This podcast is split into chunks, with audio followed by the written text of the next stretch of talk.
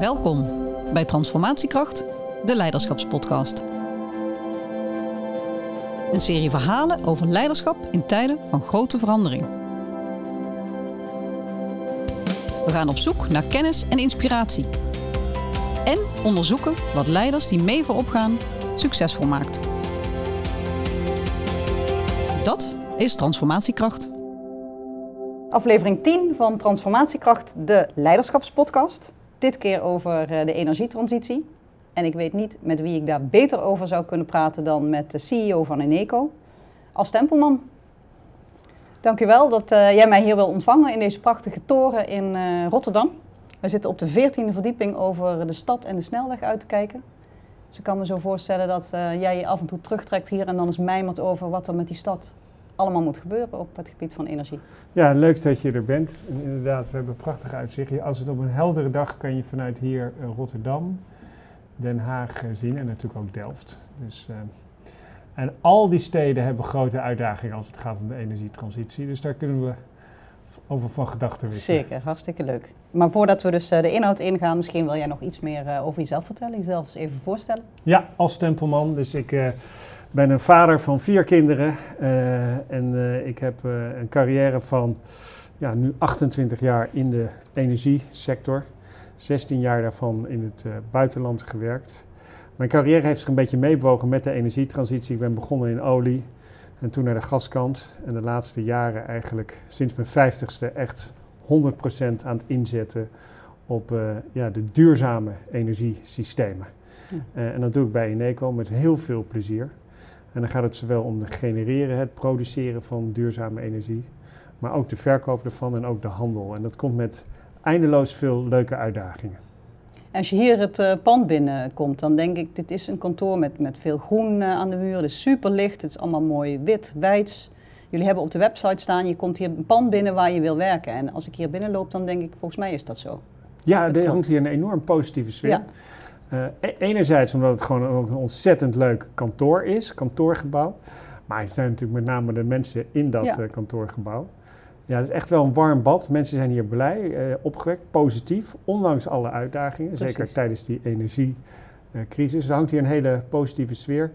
Ja, en mensen praten wel eens over profit versus purpose, hè, of in het goed Nederlands. Hè, dus en wat je dus hier, hier ziet is dat er ja, toch wel heel erg mensen heel erg gedreven zijn om positief bij te dragen. En, uh, en dat maakt in wel echt wel een bijzonder bedrijf. Ja, zeker. Nou, je, je, je noemde het eigenlijk al.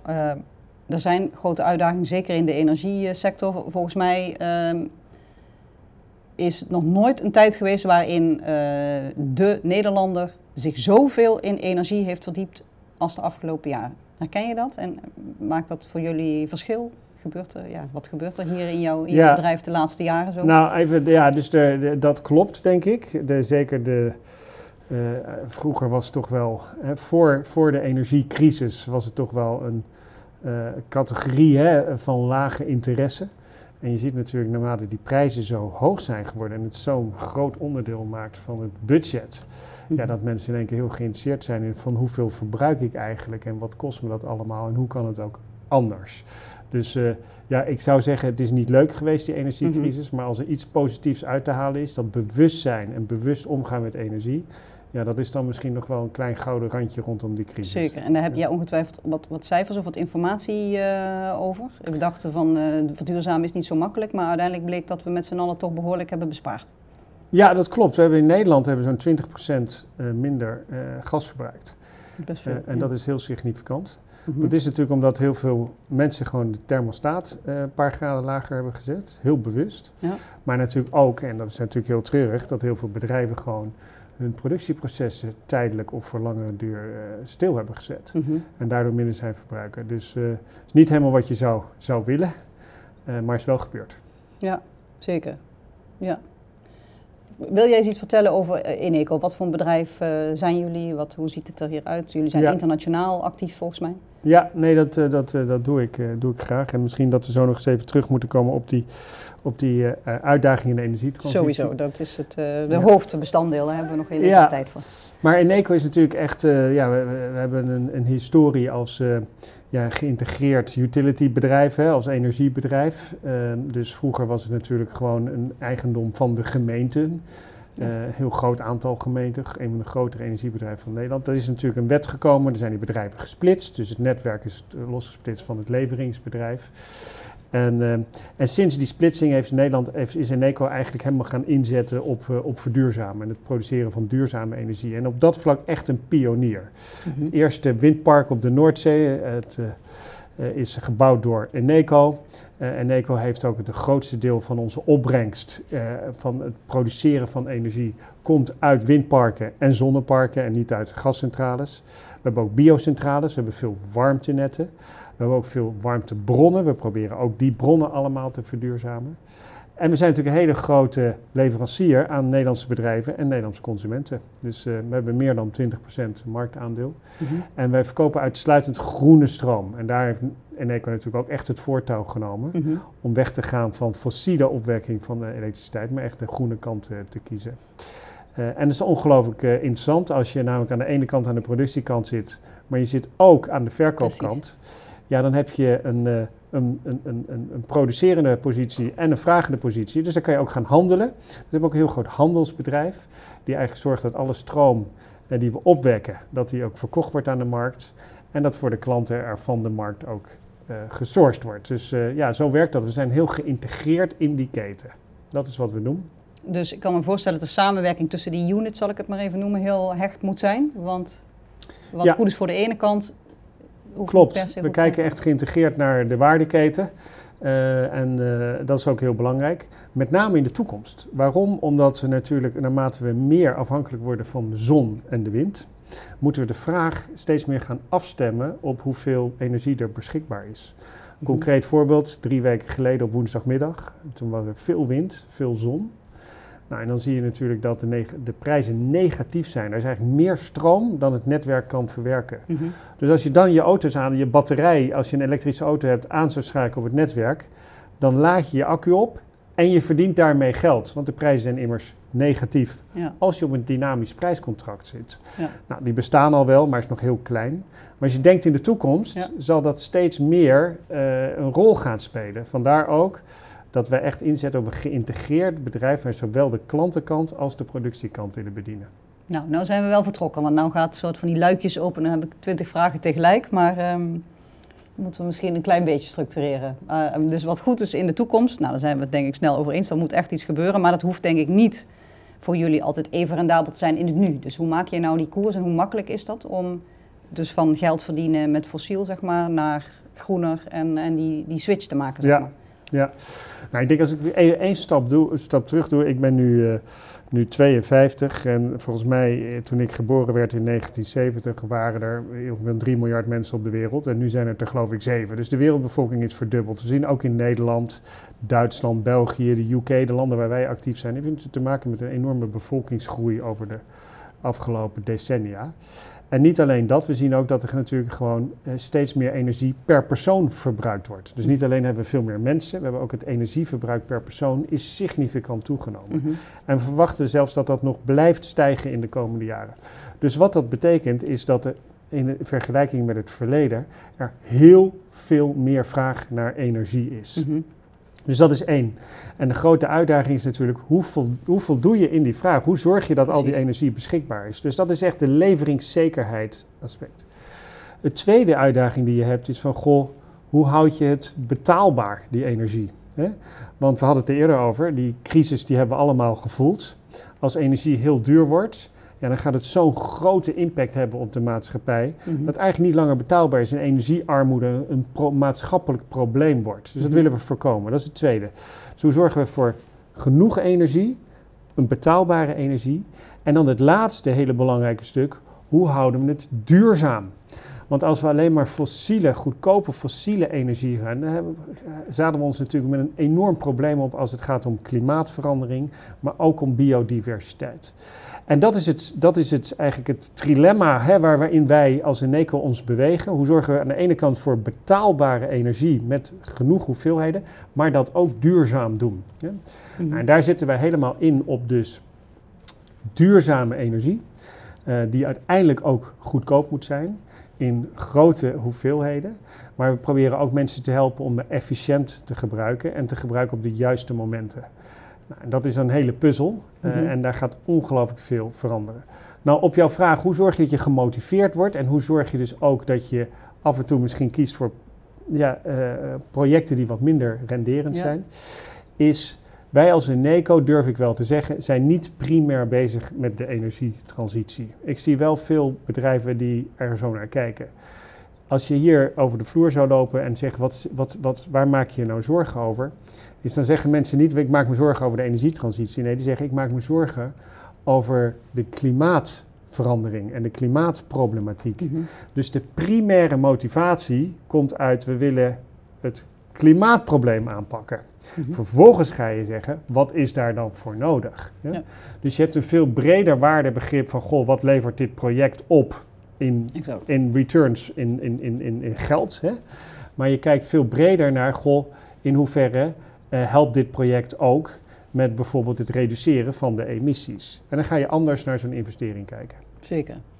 En nu eh, heb je eigenlijk de twee kanten al benoemd. Het, de energie wordt duurder de afgelopen tijd versus er zijn kansen eh, om geld te verdienen als je auto aan het opladen bent. Dus hoe lang duurt nou die overgang van we gaan allemaal geld verdienen met energie, zeg maar even. Ja, nou ik weet niet of we allemaal geld gaan leveren voor energie, maar wat je natuurlijk wel ziet is dat we eh, naarmate het duurzamer wordt, we meer weersafhankelijk worden.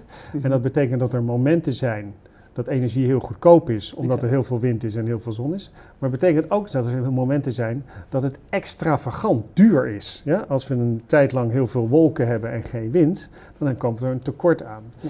Dus je moet zorgen dat je dat samen oplost. Nou, dat doe je deels door je vraag te verschuiven naar de momenten waarop het kan. Dus alle e-boilers opwarmen, Precies. alle warmtebuffers volstoppen, waterstof maken op momenten dat er veel groene stroom beschikbaar is. Mhm. Die je dan vervolgens kan gebruiken op momenten dat er minder eh, beschikbaar is.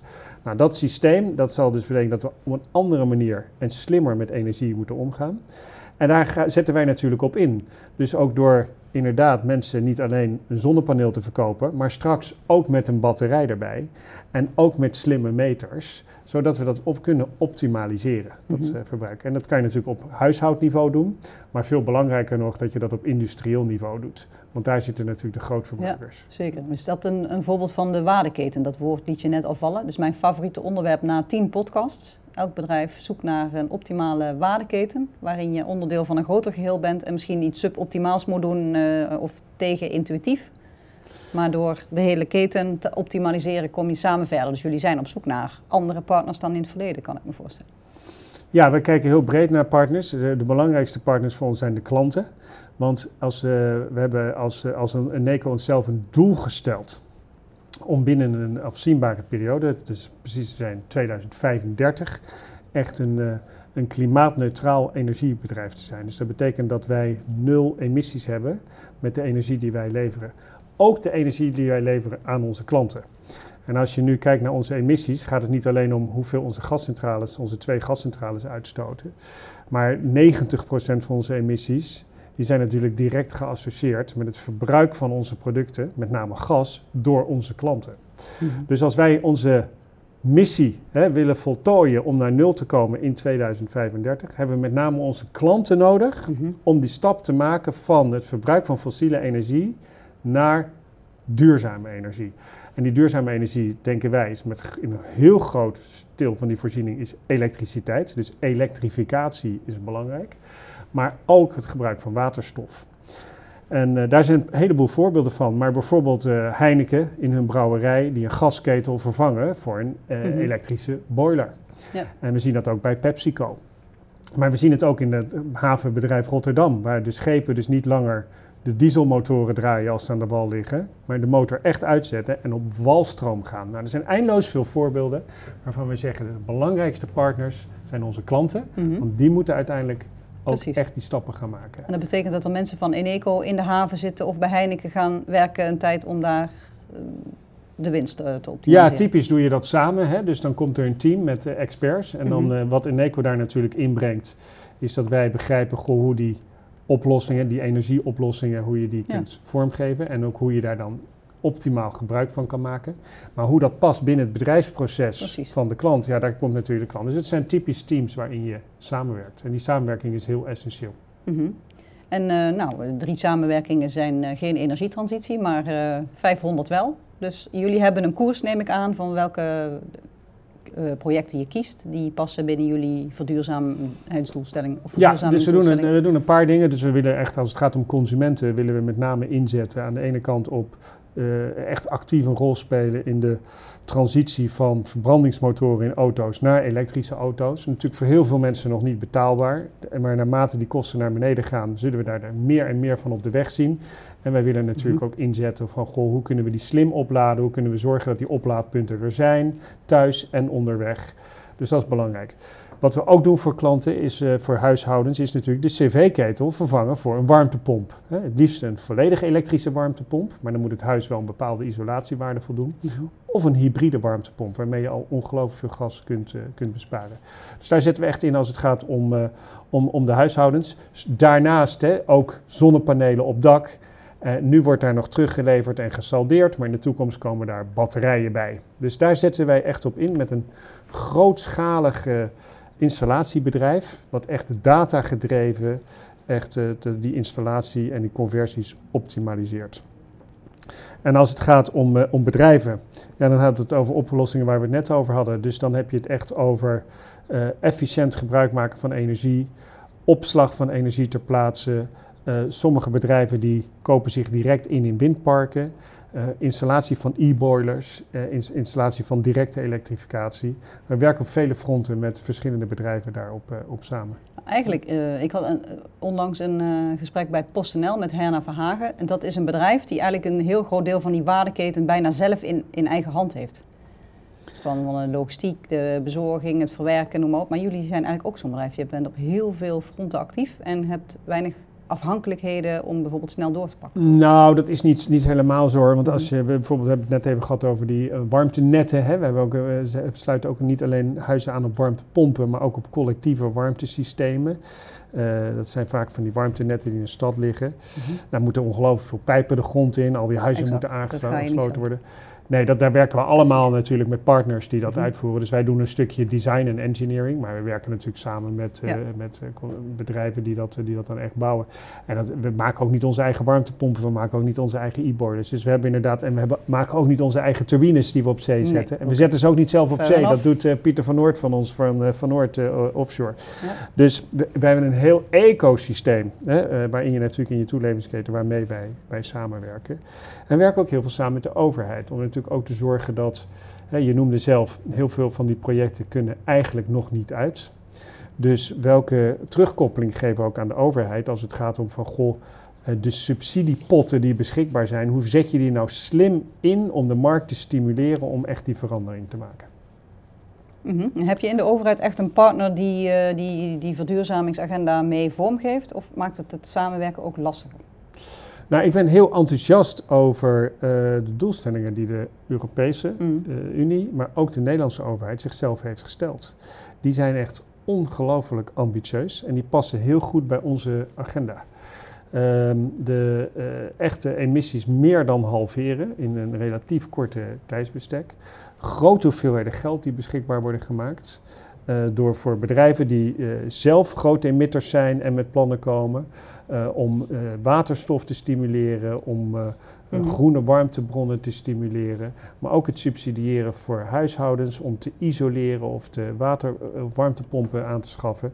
Het is er wel allemaal in Nederland. Mhm. En, eh, dus ik denk dat de, de, de, de, de commitment van de overheid is, is enorm. Ja, dan zit natuurlijk altijd de vraag in de executie van goh, welke regeltjes en welke wetten komen er dan aan. Mhm. Ja, en daar eh, zijn natuurlijk sommige dingen die heel goed werken en andere dingen waar we wat minder blij van, blij van worden. Hè. Eh, daar moeten we samen constructief aan blijven werken. Zeker. En Wat zou de grootste winst kunnen zitten? Nou, ik denk dat op dit moment eh, is het zo dat eh, die windpark op zee, dat werkt eigenlijk heel goed. Ze zijn lang gesubsidieerd geweest, hebben veel gebouwd in Nederland. Toen is de subsidie er afgevallen, omdat de technologie, de kosten van de technologie zijn zo sterk afgenomen, dat er eigenlijk geen subsidie meer nodig is. Dus je ziet nu de eerste windparken worden gebouwd op zee. En dat zie je eigenlijk dat de overheid dat eigenlijk nu weer zou moeten doen bij andere technologieën, die gewoon nu nog niet echt haalbaar zijn of schaalbaar, economisch niet haalbaar. Dus die moet je eigenlijk nu subsidiëren. Mhm. Met de gedachte dat als het allemaal grootschaliger wordt, dat die kosten eruit lopen en dat ze het dan zonder subsidie kan. Waterstof is, is zo'n voorbeeld. Uh, er zijn eindeloos veel waterstofprojecten. Alleen in de haven van Rotterdam zijn er al tientallen projecten. Maar die hebben allemaal nog geen finale investeringsbeslissing genomen, omdat ze dan toch wat hulp nodig hebben. Nou, dat is mhm. typisch een voorbeeld waar de overheid, de overheid kan helpen. Mm Nou, we gaan razend, joh. Ik vind het heel interessant. Ik ben niet goed thuis in, uh, in de energiesector, maar ja, dat zei ik al, iedereen moet zich er nu gewoon in verdiepen. En het gaat zo ontzettend snel. Uh, naast die, die snelheid op het thema zelf, op, op innovatie, hebben jullie natuurlijk, ja, we hebben allemaal met de geopolitiek te maken, dus de inflatie, noem maar op. Hoe heeft die verdere buitenwereld jullie uh, koers nog beïnvloed? Nou, de buitenwereld heeft, uh, heeft heel veel belanghebbenden natuurlijk. Hè. De, wat ik denk dat ons in de afgelopen 12 tot 15 maanden natuurlijk enorm heeft gebeten, is dat ineens, toch wel heel plotseling, eigenlijk die gasleveranties uit Rusland zijn weggevallen. Voor goede redenen overigens, want het is een verschrikkelijke mhm. oorlog in de Oekraïne die heeft geleid tot die sancties.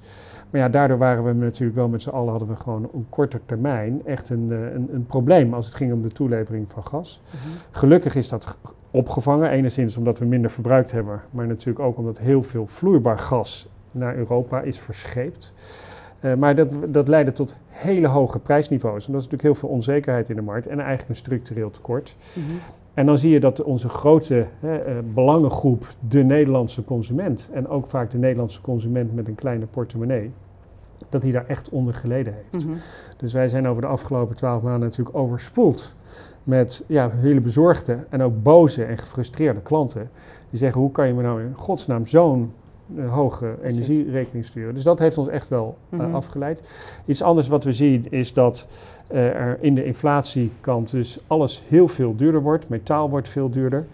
Uh, ook allemaal grondstoffen en uh, schaarse grondstoffen worden duurder. Dus dat betekent ook dat windturbines duurder worden, dat batterijen duurder worden, dat schepen duurder worden.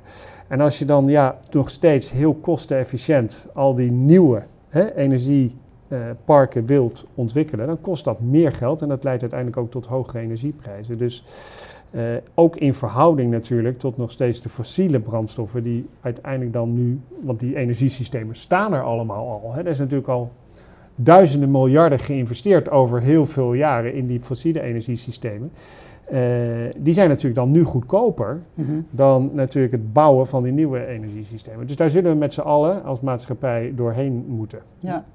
Dus aan de ene kant lijkt het me hier, uh, zeker uh, nou ja, op jouw agenda, veel kansdenken, mensen stimuleren, enthousiasmeren om uh, bedrijvenparken te verduurzamen en je huishoudens. Maar aan de andere kant was je, ik zal het maar noemen, met de negativiteit bezig, waarin ik jou ook veel op tv heb zien uitleggen dat het geld voor die hogere energierekening niet in jouw broekzak verdwijnt. Ja, dat is trouwens wel iets van echt van de afgelopen twaalf maanden geweest. Ja, en ik heb het idee, nu die prijzen weer wat lager zijn, we kunnen ook weer langer termijn contracten aanbieden aan klanten, is er wat meer ruimte. Ik moet overigens niet, ik wil overigens niet de indruk wekken dat de energiecrisis voorbij is. Mhm. Er is nog steeds wel een structureel tekort hè, in de aanbod- en vraagkant. Hangt een beetje vanaf hoe het weer zich ontwikkelt en hoe de wereldeconomie zich ontwikkelt. Mm. Of dat in balans blijft of niet.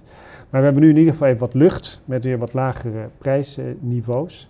Dat betekent dus ook dat uh, we weer even wat proactiever kunnen zijn op de echte uitdaging waar we het net over hadden. Om gewoon onze agenda van verduurzaming, om daar echt weer wat meer gas op te geven. En daar, daar zijn we nu met name weer mee bezig. Mm -hmm. En dus die doelstellingen die je had gesteld voor 2035, die staan gewoon nog op de rit? Die staan er nog steeds. Uh, we hebben uh, altijd gezegd, uh, zoveel willen we uitstoten tussen nu en 2035. We hebben eigenlijk minder uitgestoten omdat we minder gas verkocht hebben. Dat is natuurlijk weer dan een voordeel van die hoge prijzen.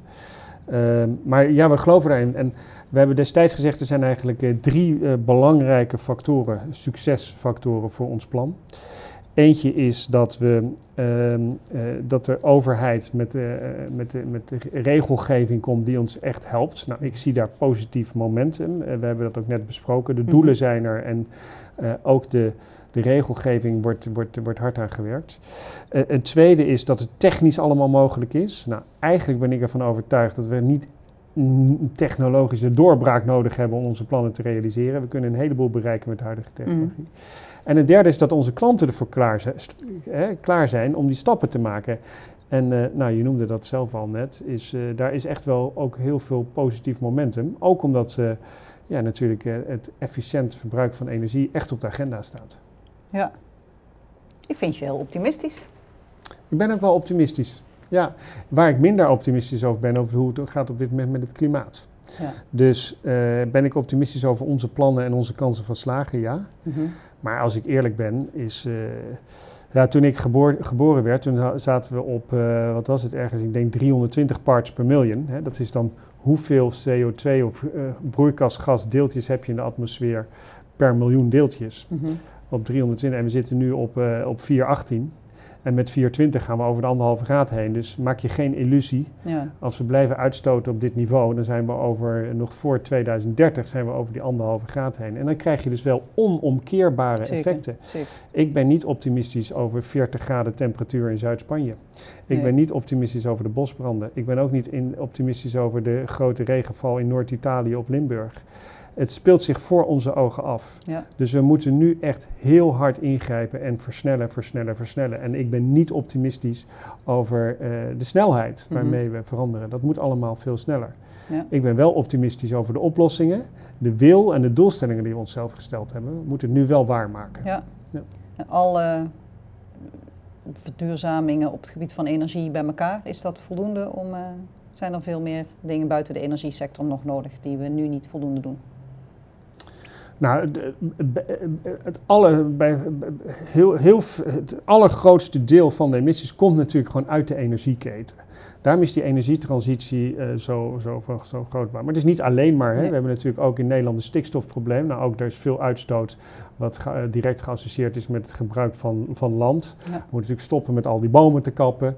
Dus, maar ik denk waar mijn energie zit, is om, uh, om echt dat energiesysteem aan te pakken. Want daar zitten 70 tot 80 procent van de emissies. Dus dat is wel waar de grootste winst kunnen maken. Maar alleen dat is, is niet genoeg. Ja. We moeten ons ook realiseren dat er heel veel andere landen zijn in de wereld eh, die heel veel groter zijn en veel minder ontwikkeld zijn. Neem landen als India, maar ook China.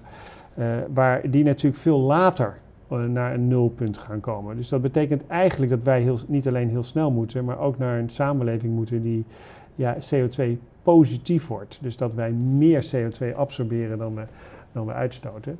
Nou, en dan hebben we nog wel een lange weg te gaan. Mm -hmm. en ja, dus nogmaals, we moeten sneller en, en full on. Ja, dus je hebt al het een en ander over gezegd, maar als je zegt energietransitie moet versnellen, wat zijn dan de drie grootste schakels die dan nu op gang moeten? Nou, eigenlijk een beetje wat ik, wat ik net zei. Dus wat je moet doen is, je moet, eh, we hebben in Nederland, hè, om het even klein te houden, uh, is 90% van ons energieverbruik is nog steeds fossiel. 90, meer dan 90%. Mm we moeten heel snel, uh, we moeten dat naar nul gaan krijgen. Dus dat betekent dat we ten eerste alles wat we kunnen elektrificeren, moeten elektrificeren. Of dat nou auto's zijn, of kleine vrachtwagens, of gebouwen, of productieprocessen, moeten we allemaal elektrificeren.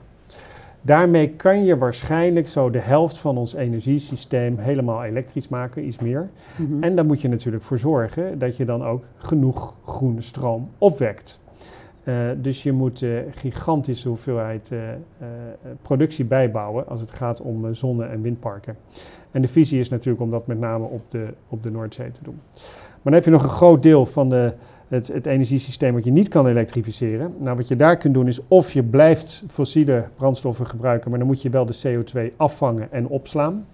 Of hergebruiken. Nou, een mooie term daarvoor is CCS, Carbon Capture and Storage or carbon capture and utilization. Dat je dus opnieuw CO2 gebruikt in de chemie of elders. Hmm. Uh, of dat je het terugpompt in lege velden. Nou, ook daar staan we in de. In de in, sta, dat staat nog in kinderschoenen. Dus hmm. ook daar zal uh, veel aan moeten besteden. En, uh, en, en, en waar je niet fossiel wil gebruiken en, en de carbon wil afvangen, dan zul je naar groene gassen moeten. Dus dat zijn biogassen of dan waterstof. Ja? Als, als vervanger van, van, van aardgas. Uh, en ja, om uh, waterstof grootschalig te produceren, heb je opnieuw heel veel groene stroom nodig. Want dat doe je door water te splitsen met, uh, met elektriciteit. elektrolyse heet dat. Dus ook daarvoor moet je weer heel veel groene stroom opwekken. Dus ik zou zeggen, begin bij enorm veel te investeren in de opwekking van groene stroom. Zorg dat je kan elektrificeren wat je kan elektrificeren. Zorg dat je daarnaast groen gas en waterstof beschikbaar hebt om dan de, het resterende aardgas te vervangen. En waar het echt niet kan, moet je de, de CO2 afvangen. Dat is hoe we de puzzel met z'n allen moeten gaan leggen. Ja. Uh, dat betekent dat we enorm ambitieus moeten zijn in onze investeringen, maar ook echt de moed moeten hebben om een paar grote stappen te nemen. Precies. Nou zijn er bedrijven die eh, zeggen dit is ons kernproces en we hebben een innovatieafdeling. Zijn jullie één grote innovatieafdeling of zijn er ook nog dingen die gaan zoals normaal of als vroeger? Nou, wij zijn niet, als het gaat om technische innovatie, zijn wij niet een, eh, een, een hele grote innovator. Want uh, wij, uh, we, hebben, we zijn ook maar klein. Hè? Wij hebben niet een hele grote research en development afdeling. We werken dus ook wel heel nauw samen met bijvoorbeeld de wetenschappelijke wereld. En de banden met de Universiteit van Delft zijn heel, heel sterk. Ja. Waar we wel enorm op innoveren is hoe wij projecten doen. Dus waar we echt wel ook een beetje trots op zijn, is dat we uh, vorig jaar hebben we Hollandse Kust West, is een groot windpark op zee, gewonnen. En uh, die hebben we gewonnen om, niet op financiële criteria, omdat we het meeste ervoor wilden betalen. Nee, die hebben we echt gewonnen omdat we uh, op ecologische criteria het hoogst scoorden. Dus wij hebben echt gezegd van, goh, als we dat park bouwen, dan doen we dat op een manier die de marine life niet verstoort. Dus de manier waarop je heid, de manier waarop je de riffen aanlegt, dat je de vissen niet verstoort en dat je eigenlijk nieuw marine life weer kan accommoderen. Maar ook bijvoorbeeld de, de vogels. Hè. We hebben de, de turbines veel hoger gezet. We hebben speciale gangen en corridors door het windpark gemaakt, zodat de trekvogels niet door de blades geraakt worden. Er zit een heel ecologieprogramma omheen. En ik denk dat dat ook erbij hoort. Het gaat niet alleen maar om stampen uh, van die molens in de Noordzee. Nee, mm. je moet het op een verantwoordelijke en weer uh, manier doen, die ook de biodiversiteit Zeker. en de challenges uh, daarmee adresseert. Mm. Dus, dat profit versus purpose waar je het in het begin over had, dat... Nou, dat zit daar ook in, maar ook op het stukje innovatie. Hè, Is mm. dus niet zozeer dat wij nou zeggen, nou wij komen met een nieuwe kernenergietechnologie. Nee, maar de innovatie zit veel meer op van, goh, hoe doe je die projecten Zeker. nou op een verantwoorde manier? meer de sociale innovatiekant. Zijn er voorbeelden van echt innovatieve zaken die jullie bij universiteiten zien? Of waar je, waarvan je denkt, nou dat is nog misschien in de kinderschoenen, maar dat, dat verrast me dat dat er is. Nou, we hebben denk ik eerder in de podcast gehad over ehm, eh, dat je veel slimmer met energie moet omgaan. Uh, dus dat betekent ook dat we uh,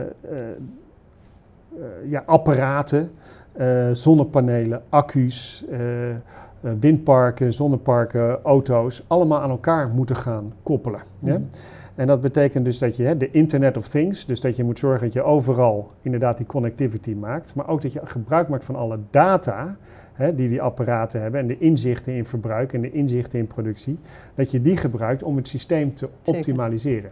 Dus waar wij heel veel aan werken, zijn dat soort oplossingen, dat je het energiesysteem slimmer maakt. Ja. En dat komt dus met een gigantische digitale transformatie. Ja. Dus mijn visie voor Eneco is echt dat niet alleen dat we een net zero energy company worden, maar dat we ook echt een digitaal hè, uh, uh, net zero energiebedrijf worden. Dus we hebben ook een, een, ja, een hele nieuwe groep mensen binnen Eneco met allemaal solution architects, digital product managers, die alleen maar bezig zijn om die verslimming mogelijk te maken. En dan krijg je inderdaad straks ja, hele innovatieve proposities voor klanten. Want dan gaan we je echt helpen om slim gebruik te maken van energie. Mooi. En ik kan me nog herinneren, dat is een heel ander voorbeeld. Vorig jaar kwamen wij elkaar ergens tegen en toen kwam jij heel bevlogen terug van een werkbezoek, volgens mij in Utrecht. Waar je had gekeken naar het uh, energie opwekken uit rioolwater. Ja. Dus denk, ja, de technologieën slaan je om de oren. Ja. Je hebt genoeg mensen dus mijn aanname om uh, nou, van de, de, innovaties en de technologieën chocola te maken en de samenhang te zien tussen verduurzaming, digitalisering, maatschappelijke waarden, sociale uitdagingen, de wijk. Dat klopt. Nou, zeker dat wat je noemt is heel interessant. Is, we, we, spoelen natuurlijk allemaal de wc door thuis in het huis en het zit allemaal in die bassin. Dus die, dat water wat het huis uitloopt is allemaal uh, eh, 20 graden of 18, 19, 20 graden. En het is eigenlijk heel jammer als al die warmte zomaar verdwijnt in de atmosfeer. Dus daar zit niet heel veel technologische innovatie in. Dat is eigenlijk gewoon een warmtewisselaar. Maar je, eh, wat wel slim is, is om dat water te gebruiken langs die warmtewisselaar te trekken. En vervolgens halen we daar 7 of 8 graden warmte uit. Ja, en die kunnen we weer in grote buffers zetten, eigenlijk grote, grote thermoskannen. Ja?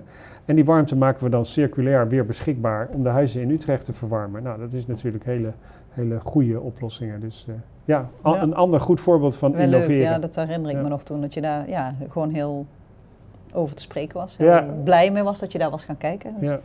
Maar daar moeten we het van hebben. Dat soort eh, innovatieve dingen waar de een zegt het kan niet. Of eh, hebben we nog nooit gedaan. Of hebben we al geprobeerd juist.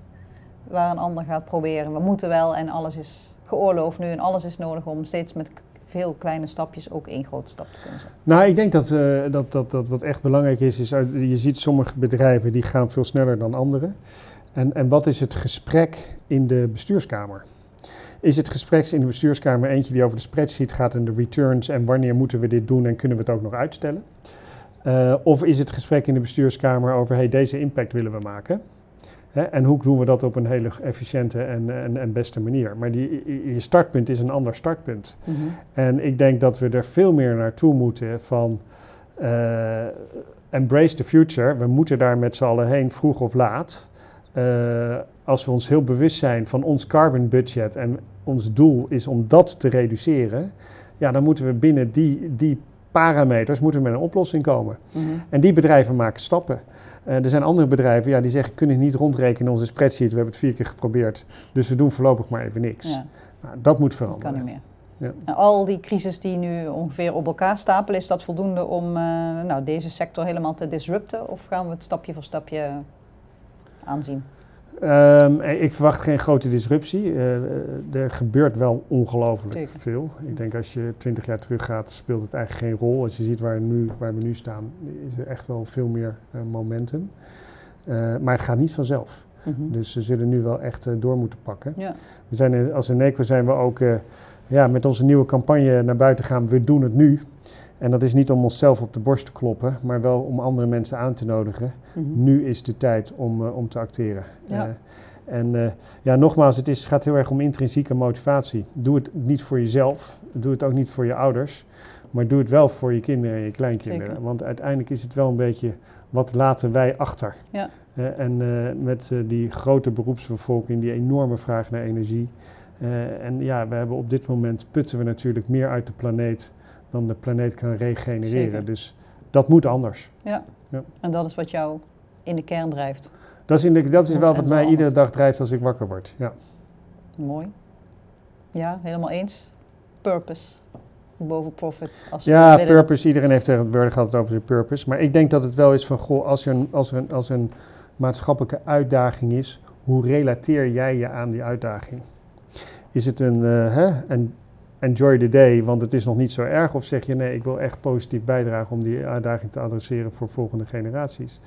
Ja. Nou, dat is hoe iedereen zijn tijd invult eh, tijdens je levenstijd hier op deze planeet. En eh, ja, wat, wat, wat ik wel heel leuk zou vinden, is dat, eh, dat, dat ja, wat ik achterlaat, dat dat toch iets wordt gezien als volgende generaties, als iets wat dus heel positief bijdraagt aan, aan hun levens. En daarmee maak je het eigenlijk ook weer heel klein. Dus mensen zeggen die klimaatopgave of de verduurzaming, de circulariteit, noem maar op. Het is allemaal, eh, allemaal net iets te complex en te groot. Dan zeg jij, kijk maar wat je in je eigen leven wel kunt doen. nou, kijk, je moet er natuurlijk altijd uitkijken dat je niet alleen maar met je eigen filter naar, de- filter naar de wereld kijkt. Want ik, ik realiseer me heel goed dat er ja, een heleboel klanten van hier in Eco in Rotterdam-Zuid, die een veel kleinere portemonnee hebben eh, en veel minder hoog geschoold zijn. En ook allemaal andere problemen hebben in hun leven. Mhm. eh, die in een huurwoning wonen die slecht geïsoleerd is, een huurbaas hebben die eh, niet benaderbaar is, dat het voor die mensen ongelooflijk lastig is. En als zij zouden luisteren naar deze podcast, dat ze denken, u heeft mooi praten, eh, maar dat, wat moet ik dan? Mhm. daar heb ik ook begrip voor. Dus, en daar moeten we ook verantwoordelijkheid voor nemen. Dus het is niet alleen maar een technische uitdaging en, eh, en, en stap even over je schaduw heen als het gaat om geld uitgeven. Nee, het gaat ook om zorgen hoe krijgen we iedereen hier i- in mee in een positieve manier. Eh, en daarom is ook weer zo'n de samenwerking met gemeentes, met overheden, met hulpinstanties, Ja. is, is met woningbouwcorporaties, is echt eh, heel belangrijk. En dus die crisis die we nu gezien hebben, waar de rekening fors omhoog ging en voor mensen ook niet meer betaalbaar was, heeft dat nou bijvoorbeeld die samenwerking met die andere sociaal-maatschappelijke partners een boost gegeven? Eh, de- ik denk het wel. Kijk, we hebben in, wonen in een land waar het voor de overheid nog steeds heel lastig is om heel gericht hulp te bieden. Eh, Belastingdienst heeft veel uitvoeringsproblemen. Ook andere ministeries vinden dat lastig. Dus als je zegt van, goh, deze mensen hebben het het hardste nodig. Hoe bereik je die nou goed? Hè? We hebben natuurlijk allerlei issues over de zorgtoeslag, uh, hebben we natuurlijk ook gezien. Dat is nog steeds heel lastig. Je zag ook in de energiewereld dat het om hele generieke maatregelen ging. Dus heel Nederland profiteerde Ja. mee van een prijsplafond. Of heel Nederland profiteerde mee van een lagere eh, belasting op je elektriciteit. Ja. Eh, BTW tijdelijk naar beneden. Nou, dat soort hele generieke maatregelen, die kosten heel veel geld. En die komen ook ten gunste van mensen die dat absoluut niet nodig hebben. Mhm. Nou, hoe zorg je er nou voor dat je veel gerichter hulp biedt bij die laag van de bevolking die het hardste nodig heeft? Ja. Ook omdat je dan veel meer kan bieden, omdat het om kleinere aantallen gaat. Nou, daar zetten wij ons voor in, ook met hulporganisaties. We zijn eh, ook een van de founding partners van het Noodfonds, Energie Noodfonds. Eh, we helpen natuurlijk ook de gemeente eh, met ja, die klanten Mhm. te benaderen die het grootste betalingsproblemen hebben. Ja. Data en, en, en data privacy spelen daar wel een grote issue in. Dat is, een- dat is wel echt een barrière in Nederland. Ja. Je mag natuurlijk niet, eh, niet veel delen over mensen, eh, Mhm. voor al de goede redenen, maar zit ook dus wel in de weg als je gerichte hulp wil bieden. Dus daar zitten nog wel heel veel sociale uitdagingen aan. En we moeten zeker niet denken dat de energietransitie alleen een technische Nee, uitdaging is. zeker. Sociaal, maatschappelijk. Juist. En jullie eh, als Eneco doen mee als onderdeel van een groter geheel om nou, het, het leven een beetje mooier te maken. Dus dat is eh, wel wat we wereld te redden, zou ik wel willen zeggen. Dat is, we proberen het verschil, verschil te maken eh, het verschil te maken. met, dat is de, een met de manier waarop wij dat kunnen doen. Ja, Ja. zeker.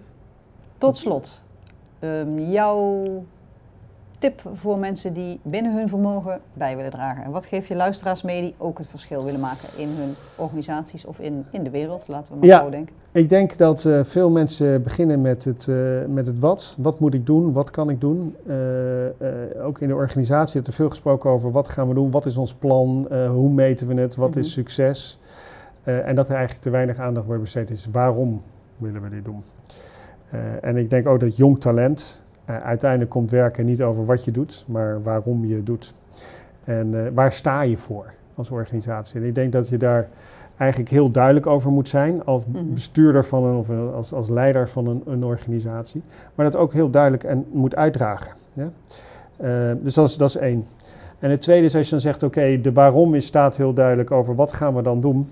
Dat je niet alleen maar denkt, waar sta ik vandaag en welke stap ga ik vooruit zetten. Maar dat je ook een stukje backcasting doet. Over, goh, hoe ziet onze organisatie, eh, onze samenleving, onze belangengroepen eruit over 10, 15, 20 jaar. Het maakt niet uit welke tijdshorizon relevant is voor het bedrijf. En zeg, als ik daar wil staan over 20 jaar, hoe vertaal ik dan naar wat ik mor- morgen en overmorgen Mhm. zou, zou moeten doen? Want dan ben je echt van A naar B aan het bewegen. En dat geeft enorme, enorme, enorm veel richting. Mhm. En dan het laatste wat ik heel erg zie is alle visies, alle plannen, eh, ook de waarom-vraag zijn allemaal prachtig. Eh, maar uiteindelijk maak je alleen maar impact door dingen goed uit te voeren. En eh, die executiekracht, die daadkracht, hè, die echte de, de, de moed hebben om beslissingen te nemen, ja, die is ook nodig. Dus nou, dat allemaal is mijn tip. Super, dankjewel. Ik wens jou veel moed voor de toekomst. En veel succes met de uitvoering van jouw nou, bijzondere opgave, denk ik. Mooi bedrijf. We zitten hier mooi. Ik vond het leuk. Als hartstikke bedankt voor jouw eh, medewerking. Dank voor je komst.